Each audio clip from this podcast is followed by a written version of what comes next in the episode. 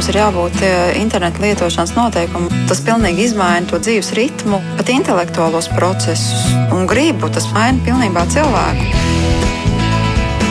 Mēs tiekamies ģimenes studijā.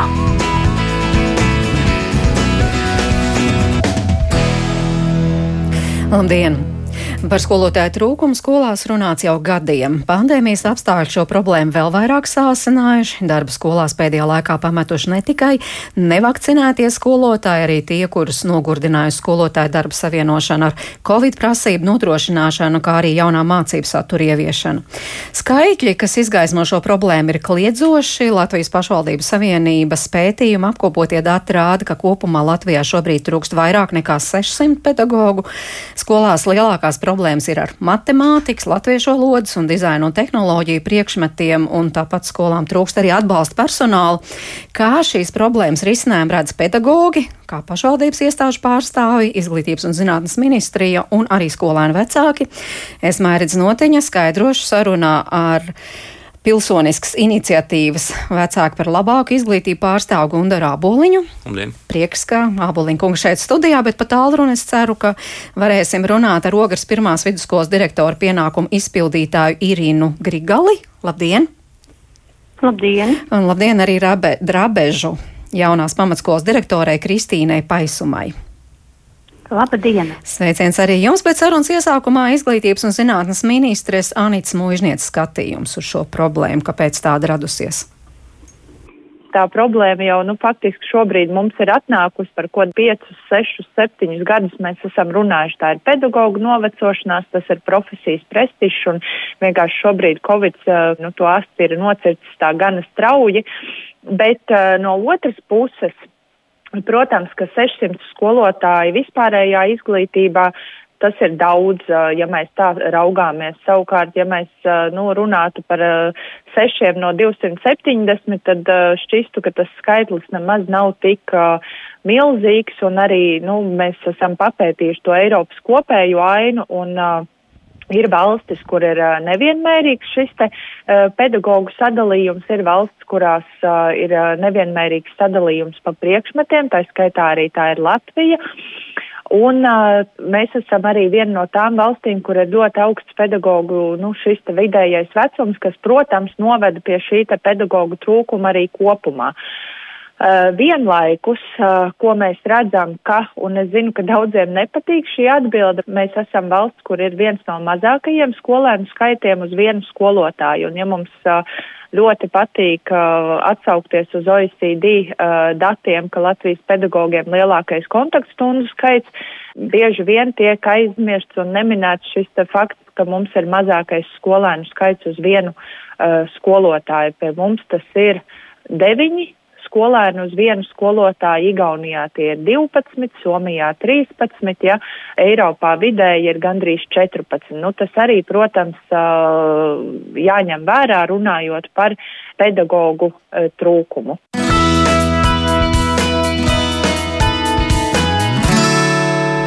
Vēršos pie skolu pārstāvjiem Kristīna Paisuma. Kā jūs savukārt redzat tos iemeslus, kāpēc Latvijā izveidojusies tāda situācija pēdējo gadu laikā? Mhm, paldies par jautājumu. Uh, es domāju, ka mm, mm, izglītības iestāžu vadītājiem ir šobrīd arī jāpatur prātā, ka nu jau divus gadus Latvijā pie izglītības vadītāja profesionālās darbības novērtēšanas tiek ņemts vērā tāds uh, rādi indikators kā pedagoģa um, profesionālā kapacitāte un uh, vienmēr vērtējot vadītāja atbilstību ieņemamam amatam uh, tiek uh, mērīt šis te kritērijs ar, ar domu, ka, kā vadītājs strādā preventīvi, kā viņš motivē pedagogus iet mācīties uh, vairākas kvalifikācijas tādējādi uh, vienā darba vietā uh, palielinot to pedagoģu skaitu, kas ir pilnas slodzes darbinieki, nevis, uh, piemēram, pusslodzes darbinieki. Bet es pārstāvu Drabešu jauno pamatskolu un mums ir ļoti neliels kolektīvs un jāsaka, ka mazā skola mēs neizjūtam tādu to tik katastrofālu to darbinieku trūkumu. Mums bija darbinieki, kuri Covid dēļ šobrīd ir dīkstāvē. Bet uh, mēs pārdalījām iekšēji uh, slodzes, un, un, un tie esošie darbinieki, viņiem nav tik krasi tas slodzes pā, palielinājums, uh, lai, lai palielinātu viņiem uh, slodzi nedēļā. Tā kā mēs esam mm, skatījušies, mērījuši arī to slodzi, uh, lai, lai nav tā, ka esošie darbinieki pārslodzē strādātu. Uh, nu, tā ir drabežu jaunajā pamatskolā. Tas nozīmē, ka tā tad, piemēram, ne vecāki, ne viņu bērni neizjūt. Nu, katrā ziņā neizjūt ne, šo ne, problēmu. Ne. Jā, kā ir ne. ogrē? Es lasīju, ka, piemēram, 1. decembris, manuprāt, ziņa bija, ka tā tad ogres pirmajā vidusskolā 166 pedagogi strādā, trūkst 11. Kā ir šobrīd? Nu, tur mazliet labdien tāda kļūda ieviesusies. Mūsu skolā strādā 116 pedagogi, 166, tā kā mazliet daudz. Nu, mums ir daži kolēģi atnākuši, mēs esam priecīgi, ka mums darbu uzsākusi ir jauna mm, sporta skolotāja un darbu uzsācis arī sociālais pedagogs, un mēs par to priecājamies. Un katrā ziņā mums akūti dotajā brīdī trūkst astoņu skolotāju Nu, mēs līdzīgi arī, kā tikko kolēģi minēja, esam šo iztrūkstošo skolotāju stundas mēģinājuši sadalīt, un, lai paņem pārējie skolotāji, kas māca attiecīgo priekšmetu, un tāpēc skolēni tik ļoti neizjūt to stundu iztrūkumu, bet katrā ziņā skolotāji, kuri uzņēmušies šo papildu slogu, jūtas uh, pārgruši, pārstrādājušies un tas noteikti nav ilgtermiņa risinājums. Bet kuros mācību priekšmetos jums trūks skolotāji? Astoņi skolotāji tas patiešām ir ievērojams skaits. Nu, mums trūkst matemātikas skolotājs, matemātikas skolotājs un arī sākuma skolas skolotāju vakance mums jau ir kopš uh, vasaras. Mēs jau gribējām jaunus kolēģus ar 1. septembri, bet diemžēl vasarā neviens no jaunajiem kolēģiem neatnāca un tagad šis covid laiks arī vēl mm, sāsināja šo problēmu, jo aizgāja arī vēl, arī matemātikas skolotāji. Tā mums ir matemātika, angļu valoda, dizains un tehnoloģija, fizika, mūzika un sākuma skola, kurā mēs meklējam jaunus kolēģus, bet, diemžēl, mums nav izdevies viņus pieai pieaicināt savai skolai. Jā, no matemātika tas ir vitāli svarīgs priekšmets, kā mēs zinām, arī eksāmens, eh, un neko tur nevar iekavēt. Tas nozīmē, ka pārējie skolotāji, kur māca matemātiku, aizvieto nēsošos skolotājus. Nu, dotajā brīdī mēs tā darām. Tādu risinājumu esam atraduši, lai bērni būtu pēc iespējas mazāk cietēji, ka pārējie matemātikas skolotāji un arī angļu valodas skolotāji un dizaina tehnoloģijas skolotāji, mūzikas skolotāji ir sadalījuši šo skolotāju stundas, lai bērniem tās notiktu.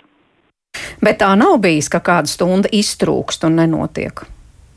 Nu, mums kādu brīdi iztrūka fizikas stundas, mums kādu mēnesi tiešām nenotika fizikas stundas, bet dotajā brīdī mēs šo jautājumu esam atrisinājuši. Mums ir atnācis viens fizikas skolotājs uz nepilnu slodzi, un dažām klašu grupām mums notiek fizikas mācības attālināti. Dotajā brīdī es varu teikt, ka mums notiek visas stundas, bet nu, katrā ziņā tā ir skolotāja pārslodze. Jā, bet nu, jūs esat tikai direktora pienākumu izpildītāja. Nu, nesat direktori, un tiešām direktoriem ir ārkārtīga atbildība un slodze šajā uh, periodā. Tas kaut kā ietekmē problēmas risināšanu, jūsuprāt? Tieši tas, ka es esmu direktora pienākumu izpildītāja. Tikai... Jā, jā. Es domāju, ka diez vai, ka diez vai, jo mums jau šīs te mm, vēlmes uh, uzrunāt pedagogus un, un piesaistīt ir jau, kā es jau teicu, no kopš vasaras mēs esam izsludinājuši vakances uz skolotāju vietām, bet, nu, tā īpaši daudz gribētāju nav. Nu, vienīgais saka, paldies, sporta skolotājs ir atnācis un tagad fizika cik mums notiek. Uh, arī labas lietas notiek. Bet es domāju, ka tas īpaši, nu, varbūt arī, ja būtu direktors tāds ļoti spējīgs un, un, un zinošs un varošs un arī varētu piesaistīt kādus jaunus speciālistus, tikai jautājums no kurienes to jauno cilvēku jau nav. Ja mēs kādu pārvilinam no citas skolas, tas jau to problēmu neatrisina. Varbūt mēs priecājamies, ka mūsu skolā stundas notiek, bet kādā citā skolā atkal stundas nenotiek. Vai tas ir tas pareizais risinājums, nemāku teikt. Kā vecāki lūkojas uz šo problēmu? Gunārs Āboliņš ne tikai pilsonisks iniciatīvas vecāki par labāku izglītību pārstāvs, arī trīs bērnu tēcis, un kā es noskaidroju, tātad visi mācās skolās, pie tam trīs dažādās, un tur arī noteikti izjūt šo problēmu. Nu, es teiktu, ka vairāk vai mazāk izjūt pilnīgi visās skolās šo problēmu. Jautājums, kā katra skola tiek ar to problēmu galā. Uh, Bet es gribētu teikt, ka um, nu, tā problēma ir daudz sarežģītāka nekā viņa varbūt šķietami liekas, ļoti dažādas situācijas ir gan pilsētu ietvaros, lielās, mazās skolas, gan ārpus pilsētām, gan bagātie piepilsētas rajoni, gan nabadzīgākie, gan, laukie, gan lauku skolas, un tie ir visi pilnīgi dažādi modeļi. Tur ir ļoti daudz dažādas problēmas. Un, tas divu gadu periods ir nu, tāds kā tāds konstants stresa tests skolām. Un, um, manuprāt, pa šo laiku ir iznācis tik ļoti daudz jaunu lietu ārā, kas iepriekš. Um, nu, viņām nebija tāda opcija kaut kur izpausties, un, un tagad tas viss ir sasumējies, un pilnīgi viss iznācis ārā, un vairāk vai mazāk tad, uh, tā skolotāja trūkuma problemātika skar pilnīgi visus, pat tos, kam liekas, šķietami viss ir kārtībā, un direktori ir spējuši atrisināt pedagoģu trūkumu, piemēram, jautājumus. Nu, bet jūs kā bērnu tētis, tātad ar kā, kā jūs ar šo esat saskāries? Kādas nu, stundas ir izkritušas uh, jūsu jāsaka, es esmu bērniem? saskāries nu, absolūti pilnā spektrā. Es esmu redzējis visus iespējamos gadījumus, uh, sākot ar ļoti pozitīvo gadījumu. Piemēram, vecākais dēls mācās Berģu skolā, un šī skola ir pārsteidzoši jaudīga skola. Tieši parādījusi sevi kā jaudīga skola tādās stresa apstākļos, un bija gatava jau pirms diviem gadiem, jau pirmajā attālinātajā mācību dienā. Eh, bet atkal eh, citās skolās ir, ir, ir problēmas milzīgas arī ar tiem pašiem skolotājiem. Slimo, iet projām, nav fiziski, nenotiek stundas. Uh, Pat skolā, kur šķietami viss ir atrisināts, arī turpat nenotiek stundas, jo nav skolotāju. Skolotāji viens otru aizvieto. Nu, tas tad veļās kā sniega pīka. Jā. Skolotājiem iespējams ir pārslodzi, tur varbūt neiztur nervi, viņš tur kaut kā sāk kaut ko norēģē, un tad visu laiku aiziet ķēdes reakcija. Un tā faktiski ir visu laiku ikdiena, tāda, nu, tāda mierīga pašsaprotama mācību tāda ikdiena, nu, principā sen jau vairs nav. Es tādu neredzu. Un, protams, ka tas tiešā veidā ietekmē ne tikai bērnus, bet nu, arī vecākus. Pat tiem vecākiem, kuriem neliekas, ka tur būtu īpaši jāpievērš uzmanība skolai, pat piespiedu kārtā pat viņi tiek ietekmēti, jo mainās jau tās slodzes un, un, un, un, un tā vide mājās arī mainās. Nu jā, tas patiešām ietekmē visus, gan skolēnu vecākus, gan skolotājus, gan skolas vadību, un es par to pārliecinājos novembra beigās viesojoties Liepājā. Un tobrīd tur viskritiskākā situācija bija Liepājas Rāņa sastajā vidusskolā, trūka desmit pedagogu, un tas pirmkārt kā mēs dzirdējām, palielina darba slodzes tiem, kuri ir darbā, un uh, par, par savu pieredzi stāsta latviešu lodas skolotāja Daiga Straupeniec. Viņa dzimto valodu māca vidusskolēniem Liepājas Rāņa sastajā vidusskolā. Man ir lielāks slodze nekā parasti. Nu, teiksim, man ir četras klases, tas būtu nu, normāli, kurās eju mācību stundās, un pašreiz man ir piecas klases. Tas nozīmē vairāk domu raksti, vairāk rakstu darbi jālabo. Un kā latviešu valodas skolotājs to jūt, protams. Nu, tie būtu četri bloki mūsu skolā vai astoņas stundas mācību. Katru dienu? Jā, un, un protams, darba diena beidzas. Nu, es teikšu, ka deviņos vakarā pieceļos no datora galda, un tad es esmu gatava ģimenei. Tas kaut kā ietekmē darba kvalitāti, jūsuprāt? Nē, darba kvalitāti tas neietekmē, jo es cenšos apzinīgi pildīt savu darbu. Nu, bet jūs teicāt, cik liels slodzi jums ir, tāpēc, ka kolēģi vai kolēģis ir uz slimības lapu, tad īslaicīgi. Tas nav ilgstoši. Nu, šajā mācību gadā tas ir. Ilglaicīgi. Tā, tas nozīmē, ka jūs rēķināt, ka tas ir viss šis mācību gads. Jā, jā tas ir ļoti liels svars, kas ir jāpanes. Sarunā iesaistās arī skolas direktors Kārlis Strautiņš, raksturojot situāciju skolā kopumā. Situācija ir diezgan kritiska. Nu, nu jau kļūst drusku labāk, taču uz 15. novembri mums darbā neiznāca kopumā desmit skolotāji. kur daļa no, no skolotājiem ir slimi vai uz slimības lapas, un daļa kolēģi nav vakcinēti, kas, protams, ir radījis sarežģītu mācību procesu nodrošināšanu. Jo trūkst ne tikai latviešu valodas un matemātikas skolotāju, bet trūkst arī ļoti specifisku priekšmetu skolotāju, kā inženierzinības, kā projektu vadība, kas tāpat jau ir retums un, un šādā situācijā. Ir diezgan komplicēti nodrošināt mācību procesu. Es arī vērsos pie vecākiem un, un jāsaka, arī Latvijas iedzīvotājiem ar, ar, ar aicinājumu pieteikties darbā, jo desmit vakances tas ir ļoti daudz. Un atsaucība bija diezgan liela. Taču sarežģītākais ir tas, ka cilvēkam ir vēlme strādāt, bet nav izglītība vai nepieciešamie dokumenti. Un, uh, bija pat tāda situācija, ka cilvēks uh, vada neformālās izglītības kursus, piemēram, IT sektorā, taču pēc izglītības uh, viņš to nevar darīt, jo nav iegūta piemēram pat augstākā izglītība. Līdz ar to es kā, kā iestādes vadītājs esmu tādā nu, diezgan sarežģītā situācijā, ka cilvēks, kas varētu strādāt, nevar strādāt. Un, un tas, kas var strādāt, tas atkal nevar teikt, ka nav vakcinēts. Jā, bet nu, kā tad jūs risināt šo situāciju? Mēs esam mēģinājuši vairākus risinājumus. Tad, tad viens ir pārdalīts slodzes kolēģiem.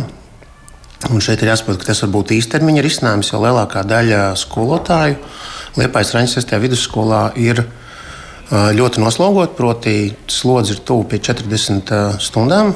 Tad iekšējām stundas ir aptuveni 22, 25, kas jau ir daudz. Mēs esam mēģinājuši aicināt arī bijušos kolēģus no Zelta fonda, taču neviena no kolēģiem nevēlējās nākt, jo tā ikdiena ir kļuvusi tik strauja un darbīga, ka cilvēkam gados tas vairs nav viegli. Īpaši, ja vairākus gadus ir bijis projām no aprites Mēs esam vērsušies pie Liepājas Universitātes, un uh, šeit mums tiešām bija laba sadarbība. Mēs esam piesaistījuši trīs studentus kā pedagoģu palīgus. Un vienu sākuma skolas skolotāju jau ieveduši aktīvajā apritē. Uh, mēs esam, tātad, kā jau minēju, no, no sabiedrības aicinājuši cilvēkus.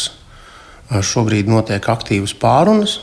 Un, Tas ir faktiski viss, kas ir mūsu šī brīža arsenālā. Ir, protams, vēl veids mēģināt veidot sadarbību ar skolām un pāriet uz moduļu mācību. Ko tas īsti nozīmē? Moduļu mācība nozīmē, ka, piemēram, mums šobrīd ir deficīts informātikas skolotājs, bet skolā X ir deficīts, nu, pieņemsim, vācu valodas skolotājs. Un tas nozīmē, ka mēs šos priekšmetus saliekam blokos. Piemēram, pirmajā pusgadā intensīvi notiek informātikas sestajā skolā, un viņas otrajā pusgadā notiek X skolā. Pa to laiku, piemēram, vācu valodas skolotājs mūsēji strādā tur un šādā veidā mainoties. Jāatzīst, ka šo risinājumu mēs vēl neesam kopīgi diskutējuši, tāpēc pieļauju, ka tās sarunas varētu nebūt vieglas, jo tas nozīmē absolūti pārplānot tradicionālo mācību procesu, kas ir stundās balstīts. Un tas nozīmē, ka šāds process ir jāpārkārto abās skolās, un tas varētu būt diezgan sarežģīti. Nu, vai tāda situācija nav, ka kāda no mācību stundām nenotiek vispār? Atsevišķi izņēmumi ir bijuši, kad nav notikuši šajā gadījumā mājturības bērniem, kur tiek uzdoti attiecīgi attālināti uzdevumi. Vai mēs cenšamies arī nosegt ar citu mācību priekšmetu, bet, ja es teiktu, vai ir bijis tā, ka stundas kāda izkrīt, tā nav. Tas, ko vēl mēs darām, un kas bija ļoti labi attālinātā mācību procesā, kad mēs varējām viens skolotājs attālināti varēja vadīt kopā stundas vairākām klasēm. Nu, piemēram, informātikā tad, tad mums bija problēmas 4. klasēs nodrošināt datoriku, un tad, tad vienlaicīgi divām klasēm attālināti tika nodrošināts process, un pēc tam attiecīgi bija pieejams papildus konsultācijas, ja nepieciešams. Nu jā, bet tādā reālajā skolas dzīvē, klātienes skolas dzīvē, tas nav iespējams. Nu, šī brīža regulējums arī paredz, ka, ja nav skolotāji, kas var mācīt, klātienes procesā, tad atsevišķos gadījumos, vienojoties ar dibinātāju, mēs varam arī organizēt mācību procesu attālināt pēc šādas schēmas, kad viens skolotājs vairākām klasēm vienlaicīgi vada stundu. Vai arī sistēma, kad, piemēram, skolotājs, kā mums bija pagājušajā gadā, skolotājs no Vēncpils mācīja vēsturi attālināt.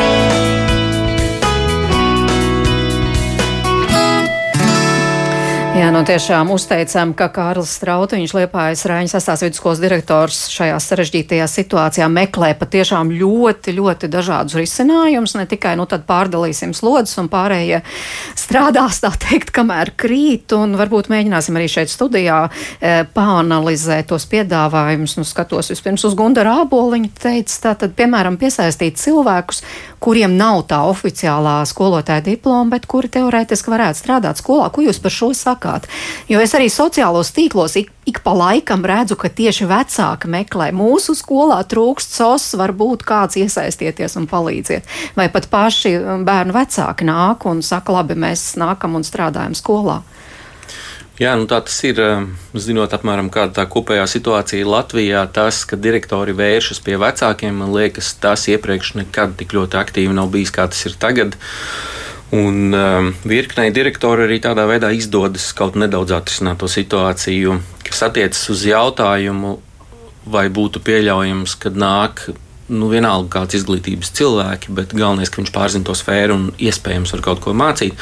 Nu, man liekas, šeit ir jāatcerās, ka mēs šeit jau pēc uzstādījuma nevaram runāt par um, uzvaru šajā situācijā. Mēs varam runāt tikai par to, ka um, mēs pēc būtības kopumā visi esam zaudētāji un attiecīgi jautājums, kā iziet no situācijas ar pēc iespējas mazākiem zaudējumiem. Nu, līdz ar to, ar to es gribu teikt, ka ideāla situācija šeit nav iespējama un vēl es domāju, daudzas turpmākos gadus arī nebūs iespējama. Tādēļ šādi ārkārtas situācijas risinājumi, kā ir pieņemsim, ņemsim skolā nu, pilnīgi bez mazā jebko, viņi jebkurā gadījumā ir apsverami. Es teiktu, mēs pat piespiedu kārtā esam spiesti par to runāt un domāt. Un, eh, ja valsts spēja izdomāt kādu nu, tādu operatīvu, eh, atkal stresa apstākļos, eh, nu, piegājienu, kā nonākt līdz, kad mēs šos potenciālos speciālistus pārveidojam par skolotājiem, tas noteikti būtu uz kādu laiku izmantojams, bet tas ir īstermiņa risinājums. Tas ir tikai, lai risinātu šo ārkārtas krīzes situāciju. Normālā situācijā tas tā nedrīkstētu būt. Irīna Grigale, ko jūs par šo sakāt? Jo ir jau tās iniciatīvas mācīt, mācīt spēks, kur ātrā laikā, teiksim, pārkvalificē cilvēkus. Tas ir viens no īstermiņa risinājumiem. Nu, tas tieši kā arī tikko kolēģis teikt, noteikti tikai īstermiņa risinājums, jo mēs arī redzam, ka daudzi no šiem jaunajiem skolotājiem, kuri izgājuši šīs apmācības vai mācības spēkā vai savā laikā iespējamā misijā, uh, kad nu, nepaliek uz ilgu laiku, reti maz ir tādi, kuri paliek pēc tam ilgstoši. Tas ir tāds īstermiņa risinājums. Te man šķiet, ka ir kaut kas valstiski jādomā, kā sagatavot kvalificētus skolotājus mūsdienu apstākļiem. Jo tiešām, kā jau sākumā teicāt, arī šis novecošanas process arī ņem savu. Un, un te ir jārod kāds cits risinājums. Ir tikai īstermiņa risinājums, šis mācības spēks un iespējamās misijas kolēģi. Bet tas, kas izskanēja no jūsu kolēģa Kārla Strautiņa puses, nu, piemēram, te bija pavisam interesanti risinājumi, tātad, eh, ka skolas, skolas savstarpēji, nu, tas tikai pagaidām teorētiski, bet mainās ar skolotājiem. Un, piemēram, kaut kāds skolotājs pusgadu pastrādā vienā skolā intensīvi un pēc tam otrā. Jo jūs arī ogrē taču neesat vienīgā lielā skola. Jums arī būtu kāds partners, ar ko pamainīties, vai tomēr nē? Mēs neesam vienīgā skola. Jā, mēs šādu iespēju tā neesam pie tās tā domājuši un, un, un tā strādājuši pie tā, bet varbūt arī dar to apspriest, jā, ka tā varbūt varētu kādu, kādu priekšmetu nebūšanu risināt, bet arī šis gadījums ir tikai tāds īstermiņa risinājums Nu, man šķiet, ka tas tā ilgstošākā periodā nu, tā tam varbūt nevajadzētu būt. Un tā attālināto un klātienes stundu kombinēšana, kas te arī izskanēja? Nu, mēs pašlaik arī mm, strādājam pie tādas kārtības izveides un gribam no, nāku, no nākamā semestra mēģināt šo apmācību pēc rotācijas principa, proti, lai veicinātu skolēniem šo pašvadītās mācīšanās uh, tātad prasmju attīstīšanu, arī darīt tā, ka viņi reizi nedēļā uz skolu nenāk un strādā mājās, un līdz ar to skolotāji var pievērst lielāku vērību pārējām klasēm. Kristīna Paisuma. Mēs strādājam pie tā un domājam, kā mēs šo kārtību varētu realizēt. Pašlaik tās ir tikai domas, bet līdz jaunam gadam mēs to gribētu izstrādāt un mēģināt ieviest. Jā, tātad tā bija Ogres pirmā vidusskola Kristīna Paisuma Drabešu jaunā pamatskola. Par tiem risinājumiem tiešām izskanēja daudz un Jā. dažādi un interesanti jūs komentārs. Mm, vēl viens kā, kā risinājums ir, es teiktu, jau mums Drabešu jaunajā pamatskolā strādāja līdz 15. novembrim ļoti veiksmīgi, piemēram, 7. klasē ir inženierzinātnes viena reize nedēļā, viena mācības stunda. Savukārt mēs dalām skolotāju ar vēl trīs skolām un, un, un pedagogs brauc vienu reizi mēnesī un četras stundas nostrādā. Uh, Un tas ir jēgpilni. Pats pedagogs ir atzinis, ka viņai tā eh, daudz ētāk ir strādāt ar, ar klasi, un arī bērni ir. Eh, mm, eh, to atgriezeniskā saite ir tāda, ka bērni spēja vairāk iedziļināties tajā, ka četras stundas no vietas tiek būvēti vai nu tur tilti vai tur kaut kāds vēl specifiskais grupu darbs. Un mēs, mēs arī jau sākām no septītās klases ķīmiju. Uh, pēc obligātā izglītības satura ir eh, no 8. klases ķīmija, bet mēs jau sākām ķīmiju no 7. klases un arī eh, pretī inženierzinībām vienu reizi mēnesī četras stundas ir ķīmija, un tas ir arī ļoti veiksmīgs gadījums, ka mēs šādi te jau varam mainīt un, un negaidot kādu, kādu vēl burju mājienu. Vienkārši jādomā es, es saprotu, ka, ka pēd, nu, mani kolēģi ir noguruši, un, un es, nu, nu, es jau arī esmu nogurusi, bet ir jādomā, kādi tie ir izcinājumi, jo centrā ir bērns, un bērnam um, ir jāsaņem šis pakalpojums kvalitatīvs. Jā, nu jūs teicāt, jo par šo arī ir runāts, ka skolotāji strādā vairāko, vairākās skolās, un tas tā kā ir grūti, tas nozīmē papildus finansējums, lai aizbrauktu uz vienu skolu, otru skolu, trešo skolu, ceturto īpaši jau lauka apvidos, bet kā jūs sakāt, ja tā ir viena reize un koncentrēti, tad faktiski tas arī ir risinājums. Jā, un arī ceļa izdevumi pašam pedagogam ir, ir optimizējami. Mhm. Bet par jauno pedagoģu piesaisti, jo es domāju, tiešām, ja mēs runājam, kā, kā mēs dzirdējām, tad tomēr te vairāk izskanēja, tas ir īstermiņa risinājums, īstermiņa risinājums, īstermiņa risinājums. Mm -hmm. Ja mēs skatāmies uz to ilgtermiņu, tad droši vien jāskatās uz jauno pedagoģu piesaisti. Kā jūs to vērtējat? Uh, es negribētu gluži piekrist, jo, jo ilgtermiņa risinājums arī ir šīs stundas moduļos un blokos, un tā ir nākotnes skola šobrīd. Uz, vienkārši mums pie tā ir jāpierod, bet tā ir nākotnes skola.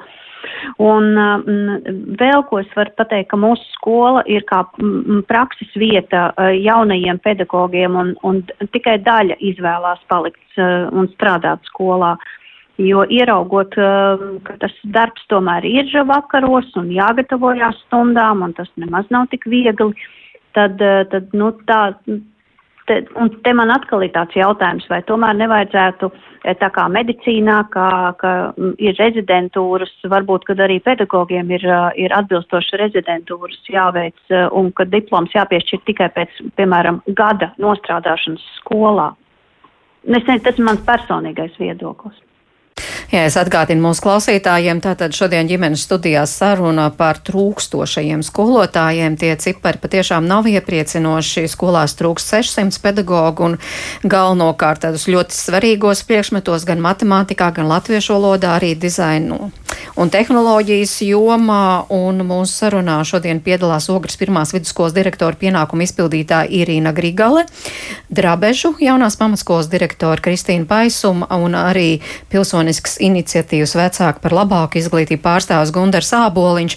Bet es pie, atgriežos pie tām sarunām Liepājā, un es tad, kad viesojos tur novembra beigās, iegriezos arī izglītības pārvaldē, un varētu jau vismaz teorētiski domāt, ka Liepājā ir tā priekšrocība, turpat ir Liepājas universitāte, kur māca jaunos pedagogus, tātad ar to jauno pedagogu piesaist teorētiski it kā būtu jābūt vieglāk, kā ir patiesībā stāst pārvaldes vadītāja Kristīne Niedre Lathere. Klausāmies! Liepājā jau vairākus gadus ir izveidota tāda brīvprātīgo stundu aizvietošanas dienests, kur tad, kad pedagogs ir ilgstošs prombūtnes laikā, tie var būt dažādi apstākļi, tā var būt profesionālā pilnveida un kvalifikācijas celšanas, tie var būt arī, protams, slimošanas gadījumi, kad mēs sazinoties ar Liepājas universitāti kopīgi esam izveidojuši datu bāzi, kur pirmām kārtām universitāte jau studentiem esot pēdējos studiju kursos ir iespēja pieteikt pieteikties un reģistrēties šāda veida aktivitātēm. Un tie, kas to ir izdarījuši, tad, protams, mēs tajā brīdī, kad skola vēršas pie mums ar lūgumu palīdzēt rast risinājumu, tad mēs izskatām šo savu datu bāzi, uzrunājam konkrēti šos potenciālos pedagogus, kuri varētu šo darbu veikt, un attiecīgi studentam sazinoties ar studiju daļu, ieskaitās jau prakses laikā šis pedagoģiskais darbs, ko viņš ir veicis jau praksēs reāli dzīvē skolā. Mhm. Viņš iegūst kredītpunktus. Tas mērķis nebija strādāt kā atalgojums, algotam pedagogam, bet vairāk jau, jau savu to studiju procesu virzīt jau tuvāk kvalifikācijai un uh, iegūstot uh, par nostādātām stundām attiecīgi kredītpunktu skaitu. Mm -hmm. Šeit, protams, gadījums ir savādāks. Mēs piekļūstam šī datu bāzei un te jau nu, aizvietot uz ilgstošu prombūtni esošu pedagogu, neapšaubām arī ir iespēja tad attiecīgi šim studentam nopelnīt. Jo, lai gan šķiet, liepājai būtu vieglāk risināt tās problēmas, jums tomēr ir universitāte, kura, nu, es nezinu, cik skolotājs gadā saražo, ja tā drīkst teikt. Jā, tā tas būtu, bet jāsaka, pēdējā laika tendences ir tādas, ka būtībā jau studējošie ļoti veiksmīgi savu studiju procesu apvieno ar darbu, un jāsaka, paldies Dievam ar darbu tiešām izglītības iestādēs. Citreiz ir tā, ka tas nav tikai liepais skolas, tās ir arī rajona skolas, un, un, un teiksim, tas uh, studiju formāts šobrīd arī pieļauj tā, ka uh, daļa nodarbības ir uh, attālinātā veidā un uz praktiskiem darbiem, tad attiecīgi, protams, viņš var arī strādāt ārpus liepājas un, un ļoti veiksmīgi studēt. Ja? Um, tas ir ļoti populārs jautājums, jo jāliekas, ja lokācijas vieta Liepājas universitātē ir šeit, ka mums nevajadzētu vispār šo te problemātiku izjust just, um, bet es domāju, tā problēma ir daudz dziļāka, daudz plašāka, daudz nacionālāka. Nu, tas, ka skolotāja prestižs, profesijas prestižs, diemžēl nav. Tas iekārojamākais un varbūt jā, tā profesionālā identitāte, kādā šobrīd atrodas pedagogs, Nu, ir tādā diezgan neapskaužamā situācijā. Nu, tas ir saistīts gan ar jauno izglītības standartu un saturu. Protams, ne visi pedagoģi, ne visi tie, kuri grib būt par pedagogiem, ir gatavi šīm jaunām tendencēm un jaunām satura iezīmēm.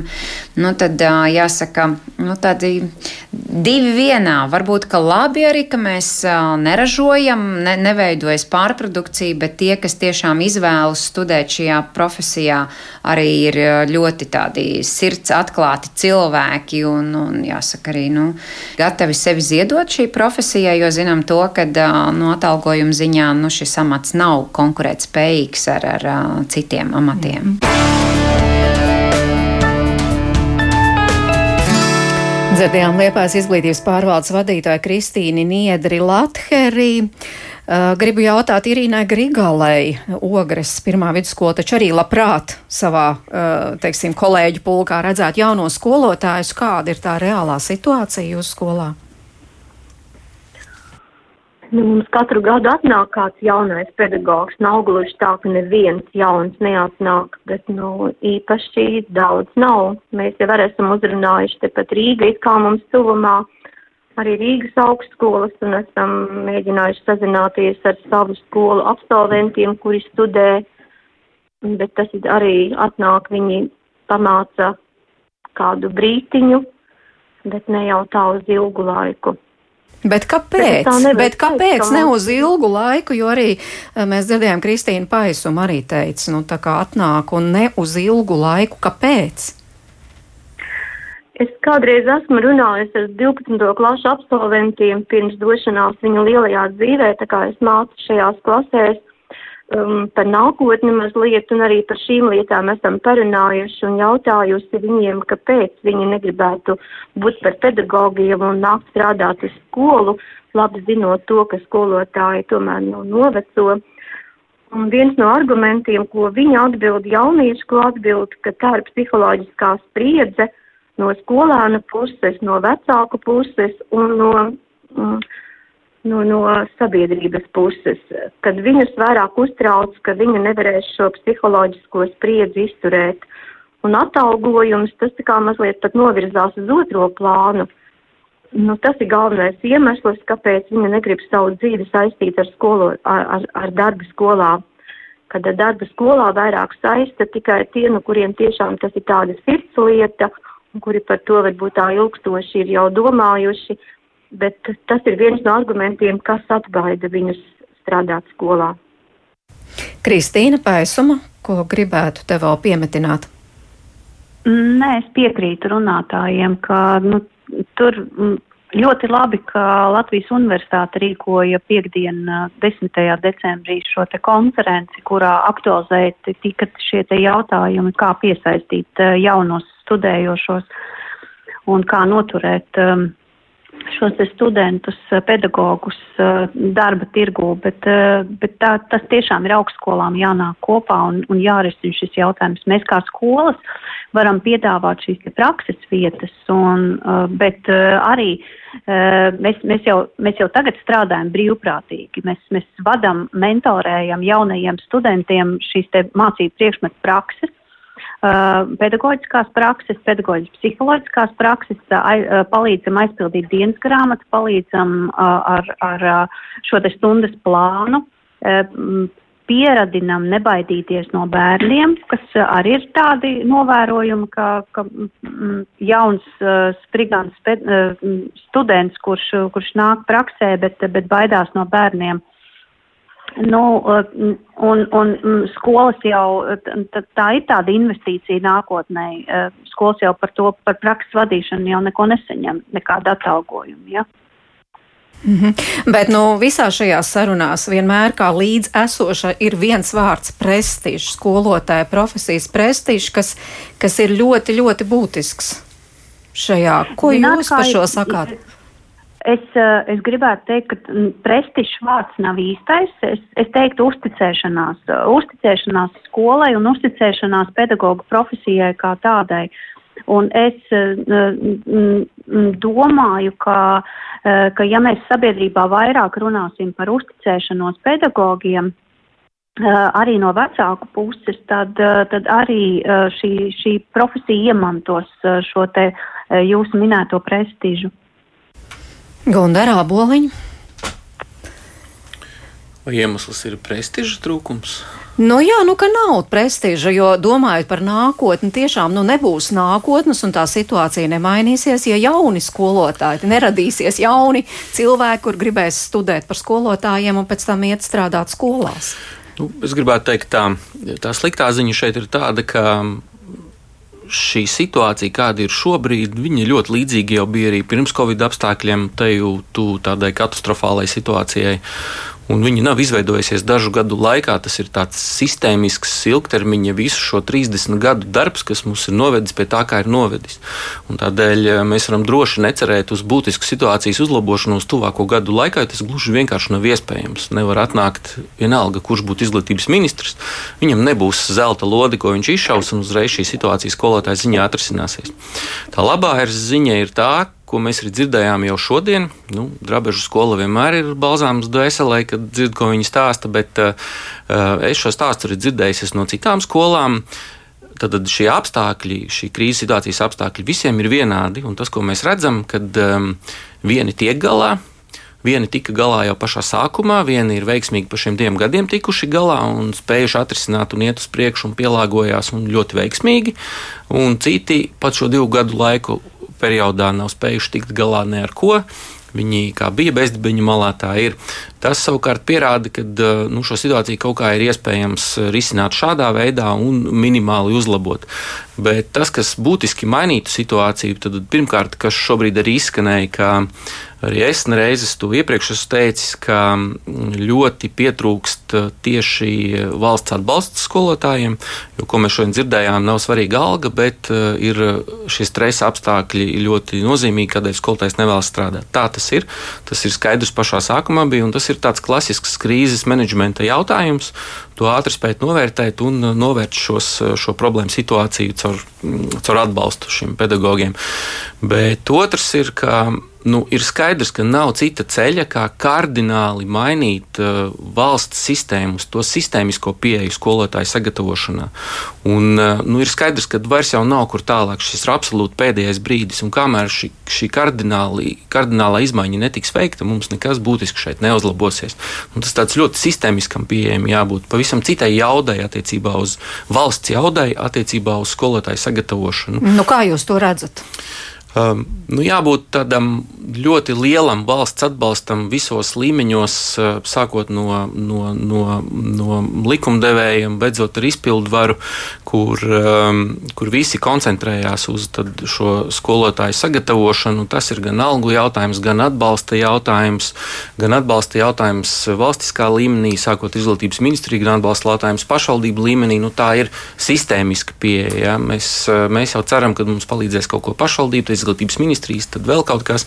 Bet kamēr nebūs, tad nu, tas ir apmēram tas pats, kas bija ar izglītības reformu. Ja? Tad, tad pēdējā izglītības reforma ir vēsturisks izglītības sistēmas um, um, kursa. Vēsturiski izglītības sistēmas kursa maiņa. Ja. Viņu strādāja pie šīs kursa maiņas, strādāja vairāk simti cilvēku, vairākus gadus. Nu, tas ļoti uzskatām parāda, ka arī šeit ir līdzīga situācija. Principā to nevar uz sitienu atrisināt. Tur ir jāiegulda ļoti liels resurss un jāstrādā visiem kopā. Un tad vēl tas viss jāspēj ieviest, bet kamēr to neizdarīs, mums nekas šeit neizlabosies. Jā, jau kā mēs dzirdējām, tiešām tas ir gan skolu, gan vecāku, gan pašvaldību, gan arī valsts jautājums, kā jau te izskanēja. Jā, un, un katrs jau šajā situācijā arī mēģina rast tās, tos risinājumus un atbildes, un mēs pēc brīža tūlīt dzirdēsim arī, kā izglītības un zinātnes ministrija redz risinājumus risinājumus īstermiņu un ilgtermiņu, bet varbūt daži arī uh, mūsu klausītāju nejautājumi, bet iebildes vai piebildes, piemēram, Silvija raksta, ļoti labs risinājums organizēt stundas, lai dienā būtu ne vairāk kā divi priekšmeti. Gan skolotājiem labāk, gan skolēniem laiks atteikties no vecās sistēmas, kā ik pēc 40 minūtēm mainās priekšmets, un tur jau neviens normāls nevar izsekot līdzi. Skolās faktiski tas jau notiek, vai ne? Kristīna Paisuma jā, un jā, arī jā, Irīna jā. Grigala. Jā, faktiski tas jau tas nav nekāds mm -hmm. tāds jauninājums, un, un tas, kā mēs dzirdējām, arī jau tas, plā, tas palīdz risināt šo situāciju. Tad Annija mums jautā, nu kāpēc neviens neatsauc uz sākumā teikto, ka Latvijā ir vismazāk skolēnu uz vienu skolotāju. Tiešām nērts jautājums, vai neprasam saplānot skolotāju darbu? Kristīna Paisuma. Mm, nezinu, es, man nav komentāru šim apgalvojumam. Ja es varētu mazliet piebilst, es kaut kā, mūsu skola ir ļoti liela. Mums ir pa piecām paralēlu klasēm. Skolānu skaits ir sākot no 4. līdz 9. klasēm, katrā klasē 26, 25 vidusskolas klases arī mums ir 20, nu tur mazliet vairāk, mazāk. Es tiešām nezinu, kā tie deviņi skolēni uz vienu skolotāju veidojas, jo mums klasē to skolēnu skaits ir liels. Protams, ka mums ir tādi skolotāji, kuri nāk tikai uz dažām stundām, un es kaut kā negribu tam tiem deviņiem skolēniem, tos deviņus skolēnus vienu skolu attiecināt tieši uz mūsu skolu, jo es saku, klases ir lielas, pa 26 skolēni klasē, Nu jā. nu jā, mums acīm redzot, ir pietiekami daudz arī mazo skolu, un līdz ar to tāds tas cipars iznāk. Uh, Māra mums raksta, esmu jaunais sākums skolas pedagogs un ļoti vēlos strādāt. Lūdzu, ļaujiet man veikt paštestus un strādāt.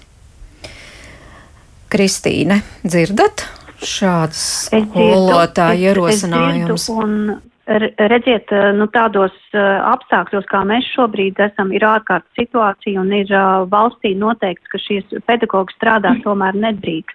Bet, ja izpildvara lemtu, tad es domāju, gan es, gan mani kolēģi būtu tikai priecīgi, ka šiem skolotājiem, kuriem nav vakcinācijas certifikāta, ka viņiem atļautu attālināt strādāt.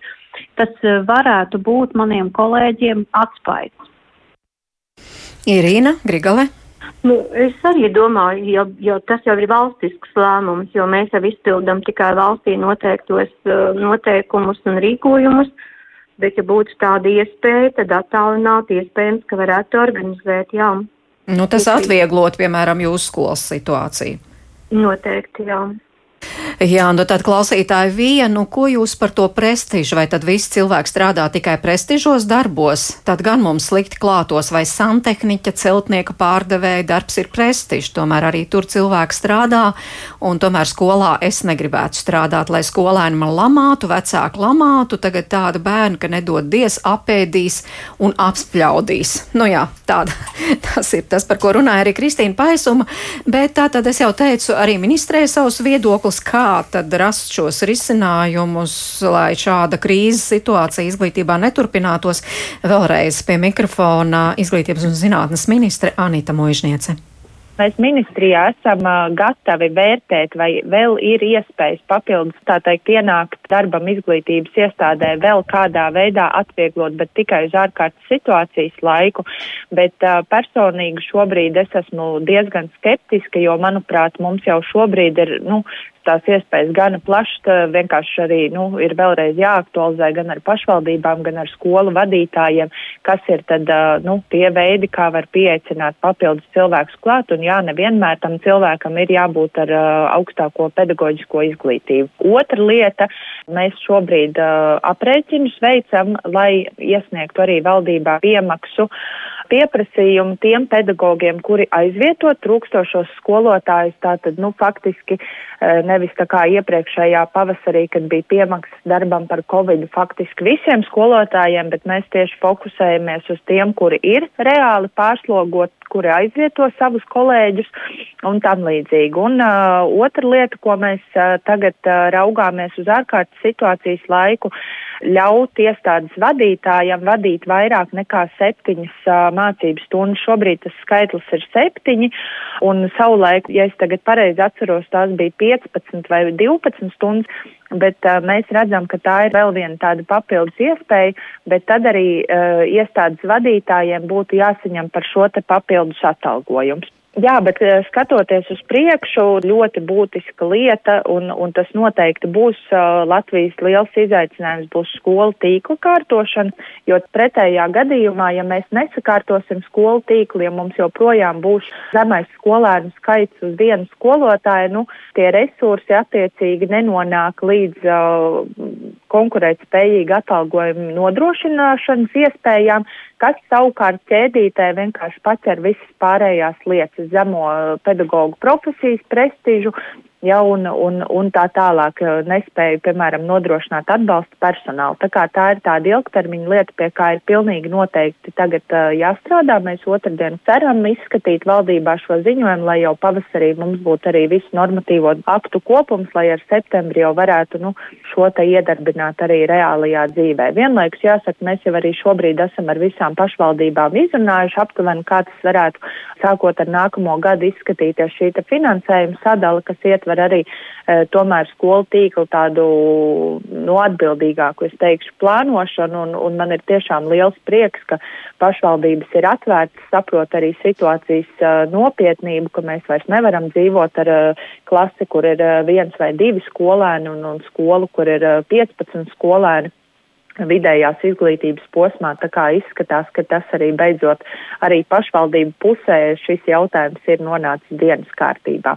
Bet tādā pavisam ilgā termiņā pilnīgi noteikti vislielākais darbs ir pie kopējā pedagoģa prestiža uh, celšanas un veicināšanas, un tas varbūt kaut kādā mērā skan abstrakti no otras puses. Uh, mēs līdz šim uh, nemitīgi esam dzīvojuši tādā informatīvajā laukā, kur skolotāja uh, profesija nu, apzināti, neapzināti, neapdomīgi nu, ir devalvēta, ja kaut vai ar tiem visiem uh, stāstiem par, par to, cik, uh, cik nepateicīgs ir šis darbs, cik uh, arī no vecāku puses nereti neaizdomājoties, ko tas nodara profesijas tēlam, nu, tiek kritizēti vietā un nevietā. Pedagogi, ja tā kā tas ir tāds, nu, kopīgs gan NVO, gan skolu, skolu vadību, ministrijas uh, darbs, nu, tādā ļoti plašā termiņā, lai celtu šo prestižu, un tas savukārt uh, atbild uz to jautājumu, kāpēc es esmu personīgi skeptiski par vēl prasību mazināšanu ieeja darbam skolā, jo es uzskatu, ka arī tajā brīdī, ka tā būs uh, tik novērtēta profesija, kā piemēram valstīs, kur tikai ar maģistra grādu var, var strādāt skolā un kur tiešām ir ārkārtīgi lieli konkursi uz šo profesiju arī tajā brīdī, nu, tad visi novērtē, ka tas tiešām ir profesionāļu darbs, kāds tas ir arī šobrīd, bet no nu, ar šīm atvieglotajām prasībām mēs arī kaut kur esam mazliet sev kājā iešāvuši paši.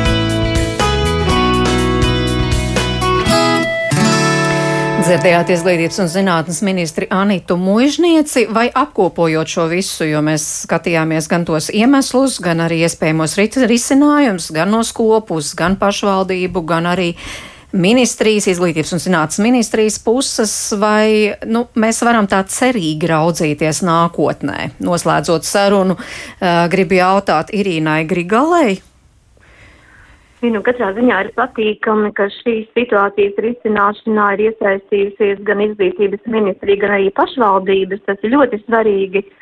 Un, nu, man tikai jāsaka, lai izdodas kaut gan šī te, šie te vidējie rādītāji, kā tu tikko teici par skolu tīklu optimizāciju. Nu, tas ir viens tie rādītāji, bet otrs ir tomēr, ja cilvēks dzīvo kaut kur lauka apvidū, kur tā skola tiek slēgta, vai viņš brauks uz kādu citu skolu, jo te mums ir jārunā par infrastruktūras sakārtošanu un ceļiem un, un, un satiksmes nodrošināšanu un visu pārējo.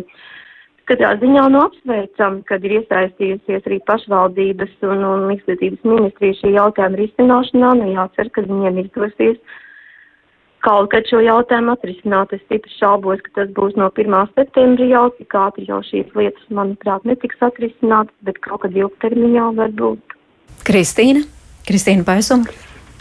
Jā, es, eh, es, es pēc dabas esmu optimiste un, eh, un man gribas eh, tomēr mudināt manus kolēģus, izglītības iestāžu vadītājus domāt ārpus rāmja un meklēt dažādus risinājumus un mēs viens otram esam viena zvana attālumā, un ja patiešām ir uh, grūti uh, izdomāt vai rast kādu risinājumu, nu piezvanam kādam kolēģim tuvākam, nu, nu padomājam, ko vēl mēs varam darīt un kas ir tās lietas, ko mēs neesam vēl, uh, piemēram, ieviesuši.